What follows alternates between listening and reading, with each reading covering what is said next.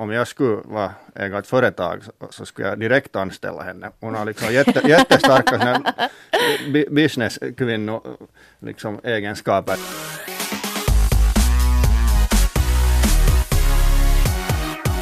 Skampodden är tillbaka efter en veckas paus uh, och Skam har ju också varit en vecka på paus. Uh, det här är en svenska Yle-podcast och det är jag, Mia, och Frida. som gör podcasten och istället för Veikka har vi den här veckan med oss uh, AG i studion. Hej hej. Hej AG! Hej! Uh, det här, för att få lite så här nytt uh, perspektiv på, på vårt gamla snack så kan du berätta AG om, om varför du gillar Skam så mycket. Jag har funderat mycket på det där. Jag har ju ett mystiskt sug, sug den här serien egentligen. Jag har försökt analysera mig själv att varför tycker jag egentligen så mycket om det. Och jag tror egentligen att det beror på att det är helt enkelt väldigt välgjord drama. Så hemskt mycket svårare än så tror jag inte att det är. Och välregisserat och väldigt naturligt spelat. Vi har ju kommit in uh, i, nu har vi sett liksom över hälften av den fjärde säsongen. Vad har du tyckt om den fjärde säsongen hittills? Om fjärde säsongen, jag, jag var till en början lite skeptisk att ska Sana hålla för att vara huvudperson för en hel säsong. Hon har tidigare haft en ganska liten roll och det har inte bjudit speciellt mycket på henne då. Så jag var lite skeptisk före den början men det har ju snarare visat sig som så att, att det har varit en väldigt stark säsong. Jag vågar inte ännu säga att är det den starkaste av dem alla men en av de starkare utan vidare. Och Sana har ju också porträtterats väldigt starkt i den här fjärde säsongen. Och jag tycker att, att den här Imam Meskini, ni får förlåta mig uttal om det får rätt eller fel, men jag tycker att hon också har visat väldigt starka en väldigt stark skådespelartalang här. Mm. Ja, jag gillar henne jättemycket. Jag följer henne också på Instagram. Um, inte bara karaktären Sana, men också, också skådisen Imam som spelar Sana. Och, och på något vis, jag vet inte, jag, jag får så här bra, bra vibbar av henne. Vad har du för feelings Frida nu efter det sjätte avsnittet? Jag tycker att det var kanske lite långtråkigt det här avsnittet. Eller det var liksom, man hade så jättehöga förväntningar eh, efter att man kom in efter svarta veckan. Då det hände jättemycket i det där senaste avsnittet. Och man ville att man skulle börja nysta upp dem. Och jag förväntade mig på något sätt att Sana skulle vara ännu mer deppig. Alltså jag var glad att hon inte var det. Men det kändes bara som att okej, okay, nu går det jättelångsamt igen.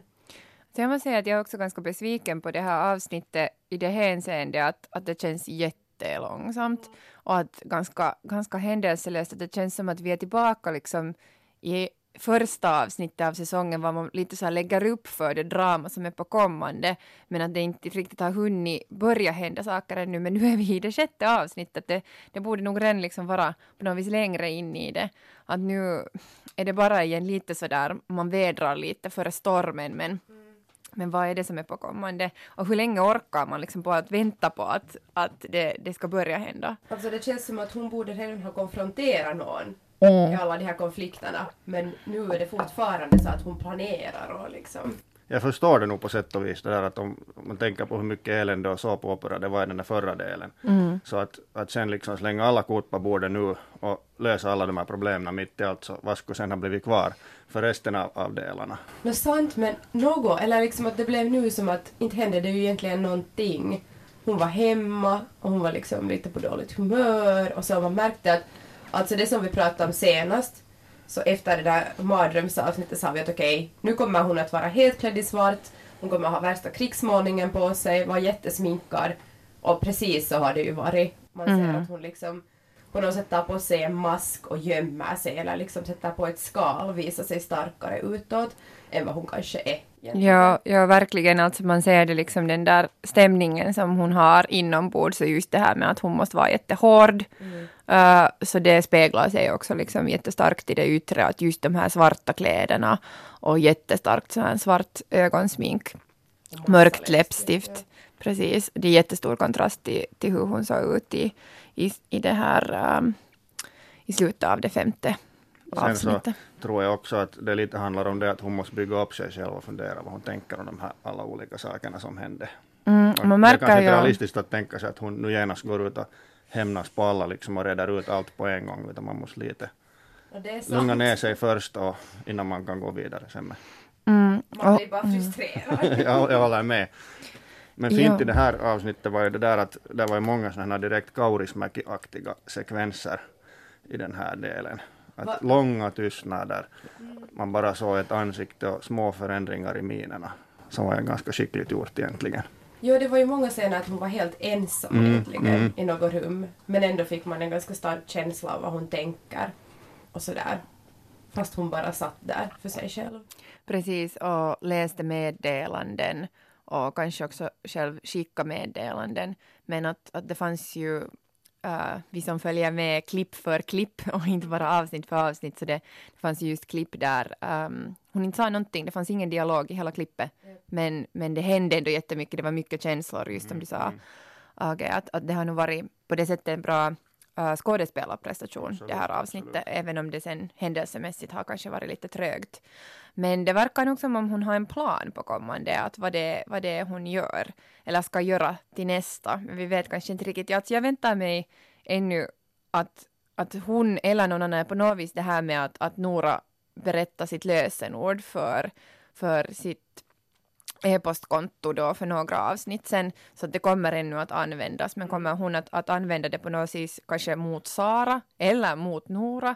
Och, men Sara vet ju också det här Mm. lösenordet. Precis. Så det kan ju vara hon. Men det är liksom, herregud, om det har kommit fram så det måste på något sätt användas. Mm. Annars skulle det ju inte vara någon poäng med det, att lägga ut det liksom där. Precis, och nu har hon ju tagit uh, foton då på, på Isaks och Saras uh, chattar från förr och var, var Sara speciellt pratar liksom illa om, om Vilde som hon nu sen igen verkar vara ganska så här tjommis och bra kompis med, åtminstone utåt sett.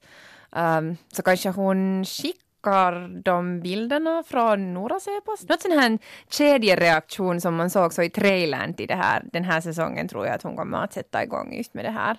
Helt klart att det, det handlar om någon form av hämndaktion när man använder andras konton i någon form för att sätta ut saker som är otrevliga. Och sen undrar jag också lite över det att, att någonting om Sanas bakgrund finns det också som inte ännu är avslöjat. Det, det ges vissa sådana. Mm. Vad Liksom. tänker du? Nå, inte vet jag riktigt vad det är, men att, att någonting som inte vi vet om ännu. Mm, Det är något konstigt också med den där, hennes förhållande till den där Jamila. Heter hon Mm, Jamila? ja. Ja, som då är hennes äldre brors väl förlovade. Mm. Som hon tydligen har varit jättenära med och inte längre är nära med. Så det är också så här, vad är det som har hänt mellan dem? Och kommer hon att komma med nu i något skede? Kommer hon att synas? Mm. Att varför tar de upp henne? Det är ju alltid sådär just det att, att de, det finns alltid en mening med allt som de gör i Skam. Det är aldrig så att, att de nämner ett namn och så hör man ingenting om den där människan mera. Jamila har ju redan nämnts i säsong två då, så att man visste redan om hennes existens. Nu. Och som att, att Sana också valde sida. Att om hon och, och Jamila och kanske just äh, sådär ett umgänge av, av tjejer som också är muslimer som Sana sen aktivt valde bort. Och var sådär att nej, att hon, hon hänger nu med de här sina nya vänner och, och just det här tjejgänget och att de är viktiga för henne nu. Och nu så här så längtar hon lite tillbaka eller ser tillbaka på det här valet och till den där den gruppen av tjejer att gjorde hon rätt beslut då? Och skulle det egentligen vara bättre för henne att söka sig tillbaka till Jamila och, hennes kanske äldre vänner? Nu, nu undrar jag att hålla det här mönstret på att bli lite för invecklat. Vem har gjort vad och vem tycker inte om vem och, och vad kommer att hända? Jag menar om man tänker på tidigare säsonger så har det ofta handlat bara om en mycket enkel, enkelt uppbyggd kärlekshistoria till exempel. Där det var liksom rätspårigt att vad som skedde. Jag undrar, blir det för många trådar i den här delen på något vis som man borde hålla i? Alltså det tycker jag vi har talat om hela tiden också. Att nu, okej den där fighten också till exempel, så fortfarande vet vi inte varför har den startats. Och det är ju då tydligen Sanas bror som har slagit Isak, men, men nu tycker jag att Isak textar någonting att inte blev, inte blev, fick han stryk. Ja, eller kanske det var lite också en sån här värdighetsgrej. Liksom okej, han fick näsblod eller någon liksom måtta till honom men att han fick inte liksom stryk. Ja. Men ändå har det inte alls förklarats att vad beror det på. Mm. Och just hela den här William och Nora, att det är just som du sa, att det finns det är för många grejer på gång. Och sen den där Sanas egen kärlekshistoria har ju helt hamnat liksom inte har det ju alls tagits upp nu i det här senaste avsnittet, togs det inte ens upp det där att, att uh, Josef och Nora hade en liten grej. Nej, alltså inte på något annat sätt än att man kanske märker uh, på hur Nora porträtteras i det här avsnittet mm. att, att Sana är jättestörd på Nora. Ja. Jätte, jätteirriterad på Nora för att Nora är ganska, eller sådär, hon, uh, när hon textar ju till Sana och, och är så att, att, att försöka få liksom kontakt med henne och Sana bara säger nej, hon är inte intresserad. Men visste Nora om, om det där Josefs och Sanas Nej, det gjorde hon ju inte. Nej. Det gjorde hon ju inte. Hon blev nu ändå, no, nu förstår man ju ändå att, det kändes svårt. Mm. Det känns som ett svek ja. även om man inte liksom, det finns inte belägg för det men, men så känns det oberoende. Men också sådär att, att Nora liksom, ja jag tycker att hon verkar lite störigare i det här avsnittet än vad hon har verkat tidigare, att hon är sådär, verkar lite mer så utseendefixerad. Hon har ju mera varit så att hon inte är så utseendefixerad går ganska med, no, hon har ofta sitt läppstift men annars är hon ganska sådär, mm. tycker jag, relativt osminkad nu liksom på något sätt så det blir jätte stark kontrast mellan henne och Sana. Mm. Det är det man försöker bygga upp alldeles klart också. Jag tänker ur regissörens synvinkel här så det är helt klart att, att det ska skapas en konfliktsituation mellan de här två. Mm. Och därför ska de porträtteras som så olika som möjligt och yep. enligt mycket sådana här klichéer. Mm. Och så är det ju också alltså sådär att, att om man om man blir besviken på någon kompis, att om det liksom händer någonting, även om, om den andra inte har menat något illa uh, eller sådär, så plötsligt så lägger man märke till den människans mm. alla liksom negativa sidor eller så här, de blir så här över tydliga och överstora man blir liksom irriterad på det minsta lilla som den personen gör, även om det liksom kanske inte, inte är så rättvist eller inte egentligen är så verkligt, men, men sen blir man bara sådär, nej usch, att den här människan är ju bara så störande. Alltså kan vi nu prata om de här jäkla morötterna? Det här håret tycks nog verkligen ha stört er. ja. ja, håret, men morötterna också. Ja, alltså vad fan. Med överallt. Är det normalt Mia i Norge att man går omkring och äter, äter massa morötter? Nej, nej, inte vad jag, inte vad jag kommer ihåg. Så, så var det inte, morötterna hade inte så stor grej. Alltså jag reagerade kanske mycket på att folk åt helt jätte, jättemycket det här ugnspizza i Norge. det var verkligen sådär grandiosa på fredagar. Men alltså nej, morötter nej. Men liksom att de där killarna tar dem som mellanmål, så har Nora en morot i skolan. I något skede frågar äh, Saras mamma vill du ha en morot? Okej, okay, det är kanske sådär som att om man vill bli gravid ser man bara gravidmagar överallt och hon vill inte tänka på Josef så hon ser morötter överallt. Ja, för, ja. Jag det börjar vara lite övertydligt nu ja. liksom. Ja, alltså Julian, det slutar upp med de morötterna nu. We get it. Så nästa, nästa grönsak istället. ja. Jag har heller ingen förklaring till det där. Det låter nog helt intressant det här. Jag begriper ingenting heller av det där. Varför? Varför försöker de liksom visa med det? Men om man ska leta efter någonting positivt från det här avsnittet så tycker jag igen att det är Sanas föräldrar. Um, de syns igen och, och de verkar liksom sådär vara de trevligaste föräldrarna som någonsin har visats i Skam. Uh, man har ju sett hemskt lite av föräldrar överlag och man har sett lite mammor, men jag tror inte att Nåja, nej, man sa ju nog Isaks pappa var ju också med i förra ja, säsongen. Han, eller var han ja, alltså bara kanske lite sådär avlägset då när de var där i julkyrkan. Men, ja, men oberoende så här är det liksom här ser vi föräldrar som, uh, som både är intresserade av sina barns liv mm. men ändå liksom inte för kanske så snokande och störande Ja, när Sana är lite störd på det här att, att Elias kompisar ska hänga hos dem hela tiden och sen när pappan säger att ja, men vi har gästfrihet här, det, det gillar jag. Jag tror att det har en ganska stark demystifierande effekt också att, att Sana är muslim och hennes familj också är det i den här, i den här delen, eller i den här säsongen. Att det blir, det blir liksom, man får kolla bakom kulisserna lite hur, hur familjelivet fungerar och det öppnar helt nya vyer tror jag det här. Ja, och sen visar man då att det liksom är en familj som Nej men att de är jätte på något sätt chill de där föräldrarna ändå. Mm. Att man skulle kanske tänka sig att ah, ja, kanske de då har mera regler än andra norska familjer eller så.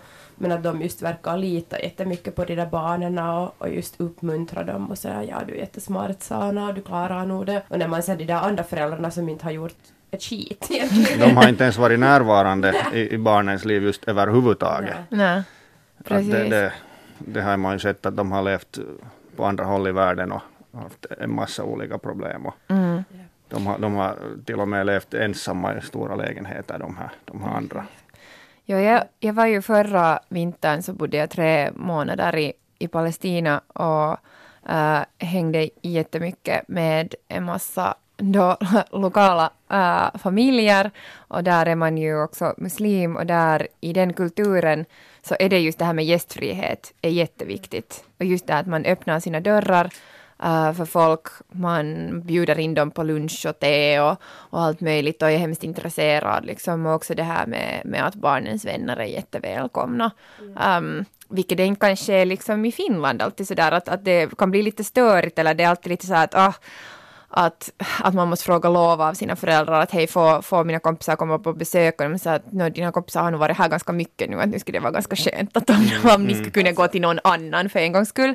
Men att där är det liksom har varit så var det, så kände jag att det var liksom raka motsatsen och att det var jätteenkelt att lära känna folk också, att, att man blev jättevarmt äh, välkomnad och mottagen och det känner jag på något vis också av de här äh, Sanas föräldrar och, och av den där familjen. Alltså det här pratade jag faktiskt just med en av mina kompisar om. Att hur var det när vi var små? Att fick man bli och ät? För att i vissa familjer var det sådär, okej, okay, alla andra åt och den som var som gäst så liksom satt bara i rummet och sen i vissa familjer var det sådär, okej, okay, alla med och äta middag bara. Det kan ju också vara en praktisk orsak att man bara inte hade tillräckligt mycket mat då, men liksom att det här är ju helt motsatsen sen. Mm. Att alla bara, ja ja, bli här och ät middag om ni vill eller liksom att man Ja, det är precis. sån en varm på något sätt familj. Och just som du sa, att när man visar dem så mycket så det är just tar bort den där mystiken från den där familjen. Att en muslimsk familj behöver inte vara något konstigare än någon annan. Så jag tror de facto att, att den här säsongen kommer att få en social effekt som varar mycket längre än, än bara så länge som den tar den här serien. Mm. Eller ja, just det där att man kanske inte har sett så mycket muslimer ändå i sådana de här skandinaviska tv-serier åtminstone. Mm. Och om man ser muslimer i några amerikanska filmer eller så, så är de ju ofta skurkarna. Mm. Så det liksom, här är det bara att nå, det är helt som vem som helst, såklart. Men Ja, alltså just som det är i Skam, att man visar olika människor, man visar olika familjer och det är liksom, man sätter inte en sån här ranking på att det ena är bättre eller sämre än det andra, utan man får vara liksom en komplex person när man, man är en av huvudpersonerna i Skam. Att just som, som i förra säsongen så togs det ju upp liksom både uh, homosexualitet och mentala problem. Och, och det gjordes ändå inte på ett sånt sätt att, att man liksom blev värderad som, som, som sämre. Så här känner det ju lite samma, samma tematik uh, det här i den här säsongen just med det här att, att det här är en norsk familj uh, som, som alla andra men det här är en muslimsk norsk jag familj. läste just en intervju som var i Teen Vogue kanske, med två uh, muslimska tjejer och hur de hade uppfattat den här säsongen. Mm. Och att just att de tyckte att det var jätteviktigt att det verkar som att, nej men att hon är en person, hon är inte en muslim. Att Mm. det var det viktigaste för, för dem som hade de de två verkar nog gilla åtminstone hur Sana var porträtterad.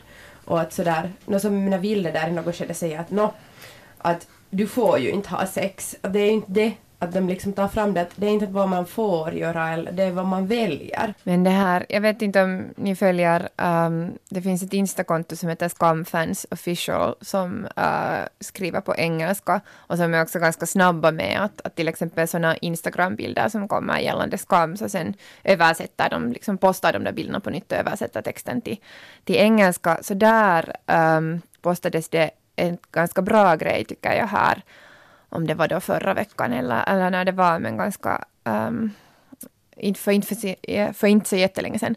Uh, och det var, uh, det här ett uttalande från um, det här, en muslimsk tjej som just var det här med att att som vi också har talat om tidigare här i Skampodden, att det är störande att under den här Sana säsong så känns det ändå som att Sana blir överskuggad uh, av andra, att, att det i tidigare säsonger så har de fått, huvudpersonerna har fått ändå liksom lite mer utrymme och spelrum, men att här också, och också bland fansen känns det att folk är så, alltså det var ju en så jätte, jättefin kärlekshistoria det här mellan, och är fortfarande mellan uh, Isak och Even, men folk klarar inte liksom riktigt av att släppa det och ge Sana det här utrymme som hon skulle förtjäna.